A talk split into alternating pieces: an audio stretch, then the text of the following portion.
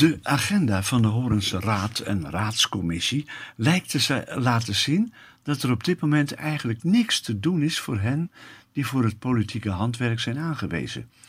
Pas op 21 januari is er weer een vergadering van de Raadscommissie.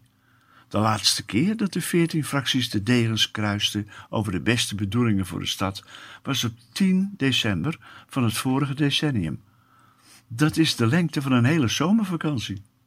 Ik zoek direct naar een positieve verklaring voor dit fenomeen en meen dat te vinden in de opvatting dat Horen kennelijk alles wat nodig op de rails gezet diende te worden, daar ook al lustig op voortdendert en dat ontsporingen nog niet te verwachten zijn. Gelukkig maar. Op een of andere manier wringt zich steeds sterker een mening naar voren dat er nog veel moet worden aangepakt.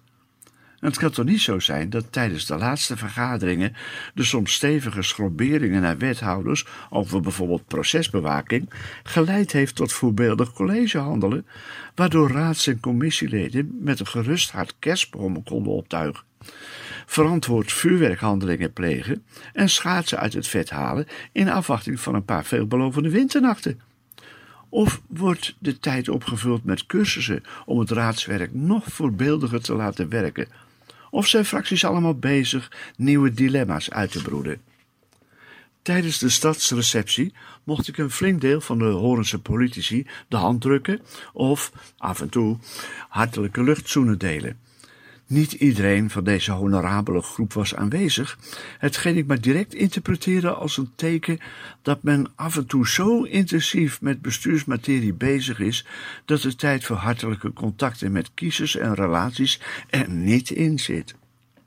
En beweringen dat dit vege aanduidingen zijn dat de afwezige politici onverschillig staan tegenover de mensen in de stad, zijn natuurlijk volkomen uit de lucht gegrepen. Een aantal van hen staat werkelijk op scherp. Dat kon je deze week nagaan in de lokale media. Dat Ben Tap, kort geleden nog wethouder, niets vermoedend, een mooie functie kreeg aangeboden en direct aannam, wekte enige beroering. Een aantal alerte politici was niet zo niets vermoedend bezig. Het bedrijf waarbij Ben Tap commissaris zou worden, had al met Ben te maken gehad toen hij nog wethouder was. Dat mag niet, of dat hoort niet, mag ik lezen. Vanuit het bedrijfsgezien was het natuurlijk een mooie gelegenheid om iemand aan te trekken die ter plekke de hazenpaadjes weet te vinden.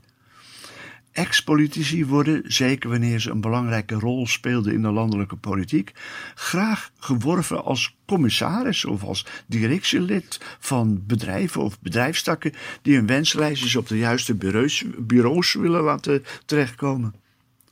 Horense bestuurders die hopen daarentegen dat commissarissen en directieleden van allerlei instellingen en bedrijven niet goed weten bij wie ze met verzoeken of lobbypraatjes dienen te zijn.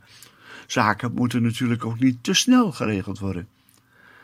D66-fractievoorzitter Arwin Rood scheen er als de kippen bij te zijn geweest om de misstap van Ben recht te zetten. En ook burgervader Jan Nieuwburg maakte Ben duidelijk dat hij het maar beter niet kan doen.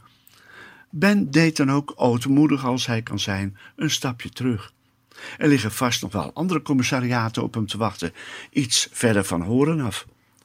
Een andere politieke actie zag ik gisteren in de krant met mooie foto erbij. Wethouder Simon Broersma van Bomen en alles wat ermee te maken heeft zaken, hing bij de Mariaschool een van de 600 nestkastjes op die de gemeente niet ter leniging van woningnood bij vogeltjes, maar omwille van een soort consumptiedrank voor vogeltjes over de gemeente wil verspreiden. Vogeltjes die de eikenprocessierupsen op het menu hebben staan, krijgen voorrang bij het betrekken van de kastjes. Partijgenoot Levent Elelespe keek toe of alles wel goed ging en een tevreden glimlach op zijn gezicht belooft ons dat we ons daar geen zorgen om hoeven te maken. Misschien worden er berichten verspreid dat men de vogeltjes in de tijd dat de rupsen uit hun eitjes komen niet mag bijvoederen.